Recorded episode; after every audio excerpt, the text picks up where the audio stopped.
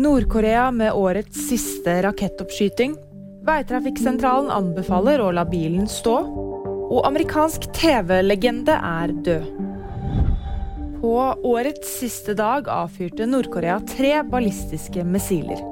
Det betyr at landet har hatt 71 testoppskytinger i 2022, ifølge det sørkoreanske nyhetsbyrået Yonhap. Rakettene, som ble skutt opp natt til lørdag norsk tid, fløy over den østlige delen av Nord-Korea og falt ned i Japanhavet. Nok en dag med utfordrende vær og føre skaper kaos på veiene. Fredag kveld var det to busser og syv biler involvert i en kollisjon på rv. 7 i Nesbyen. Det ble også meldt om flere trafikkulykker andre steder i landet.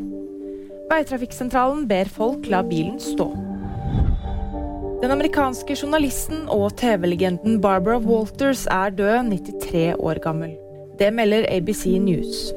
Walters ble i 1976 den første ankerkvinnen på kveldsnyhetene i ABC News. Hun har vunnet tolv Emmy-priser i løpet av sin karriere og intervjuet store navn som Fidel Castro, Vladimir Putin og Richard Nixon.